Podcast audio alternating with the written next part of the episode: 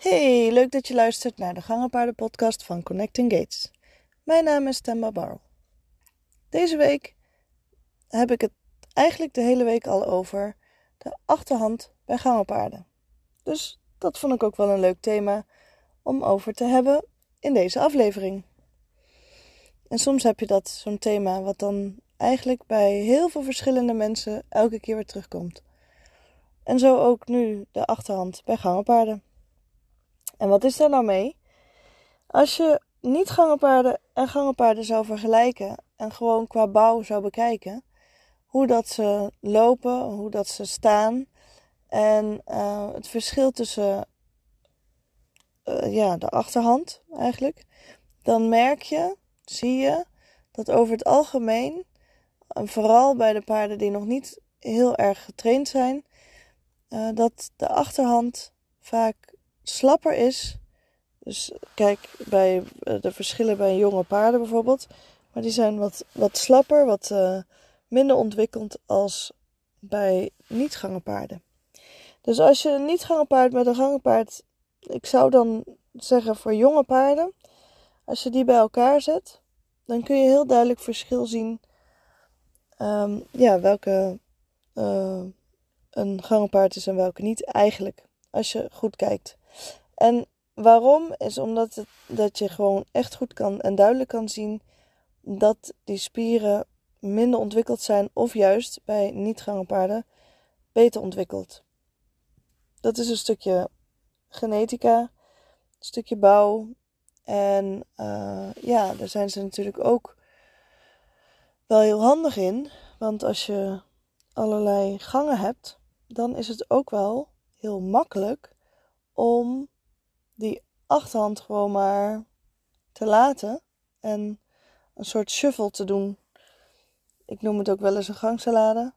Maar um, als, je, als ze wel in een gang lopen, gewoon in een normale uh, viertak bijvoorbeeld, en dat een tijdje vol kunnen houden, dan ziet dat er ook een beetje shuffelig uit. Een soort dansje. En nou is het zo dat niet-gangenpaarden vaker op hun voorhand staan. Gewoon vanuit natuur als je ze in de wei ziet staan. En gangenpaarden heel vaak hun gewicht over alle vier de benen beter verdeeld hebben.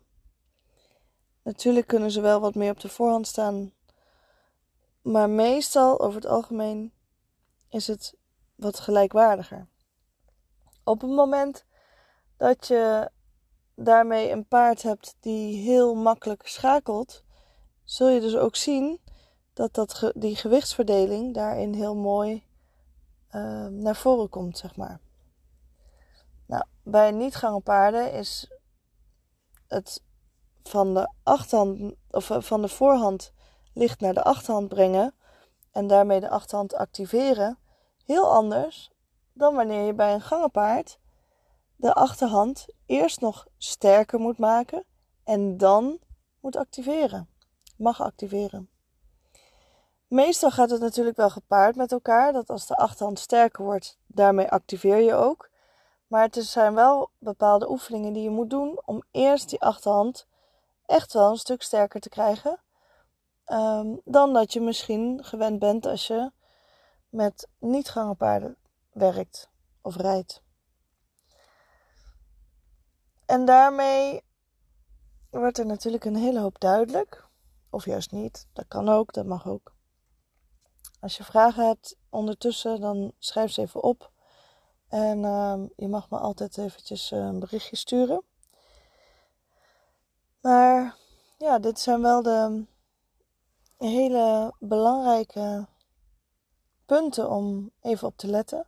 En dat kan je dus ook helpen om jouw paard sterker te maken vanuit de achterhand. En zeker bij de wat hypermobiele paarden is dat ook wel weer een beetje anders. Dat is het type slangenpaard, zeg maar. Is het ook wel weer anders als je um, activatie wil, of eigenlijk beter gezegd versterking wilt van die achterhand. Dus op het moment dat het sterker moet worden en je hebt een paard wat heel erg um, makkelijk alle kanten uit kan of nog niet eens een normale rechte lijn kan lopen, daarmee is het al ehm, heel anders dan wanneer je bijvoorbeeld juist uh, allerlei voltes en bochtjes en dingetjes wil, uh, ja, wil vragen. Kan vragen. En ik zou met het type slangenpaard, zeker als je net begint met de opleiding van je, of de training van je paard, dat je echt recht toe recht aan gaat werken. En pas later, als de eerste balans er is, de meeste balans die je al, uh, al, al krijgt, zeg maar, van het recht toe recht aan en de spierverdeling, gewichtsverdeling, als dat allemaal wat sterker is en er beter is, dan zou je natuurlijk wel gewoon um, cirkels kunnen maken en voltes kunnen rijden. Maar zeker in het begin, ook het activeren van de achterhand, eerst recht toe recht aan. Dat is voor die paarden al moeilijk genoeg.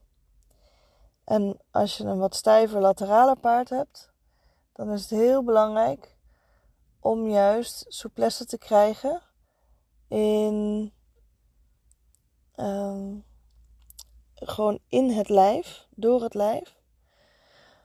Maar daarmee kan je vaker ook wat makkelijker die achterhand sterker maken. Gewoon um, in cirkels en andere, op andere manieren. Er zijn natuurlijk heel veel manieren om achterhand sterker te maken.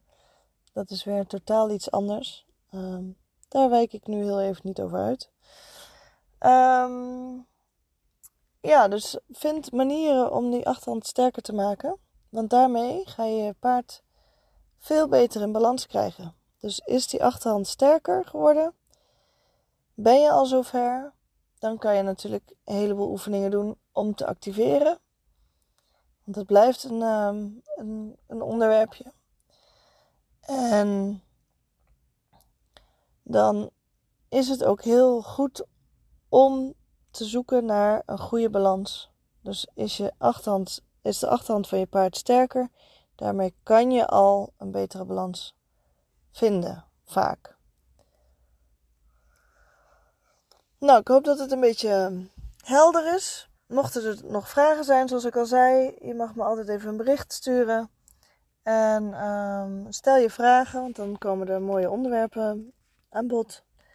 En dan kan ik dat ook weer, ook weer verwerken in, um, in deze afleveringen. Heb een hele fijne dag of nacht en tot de volgende.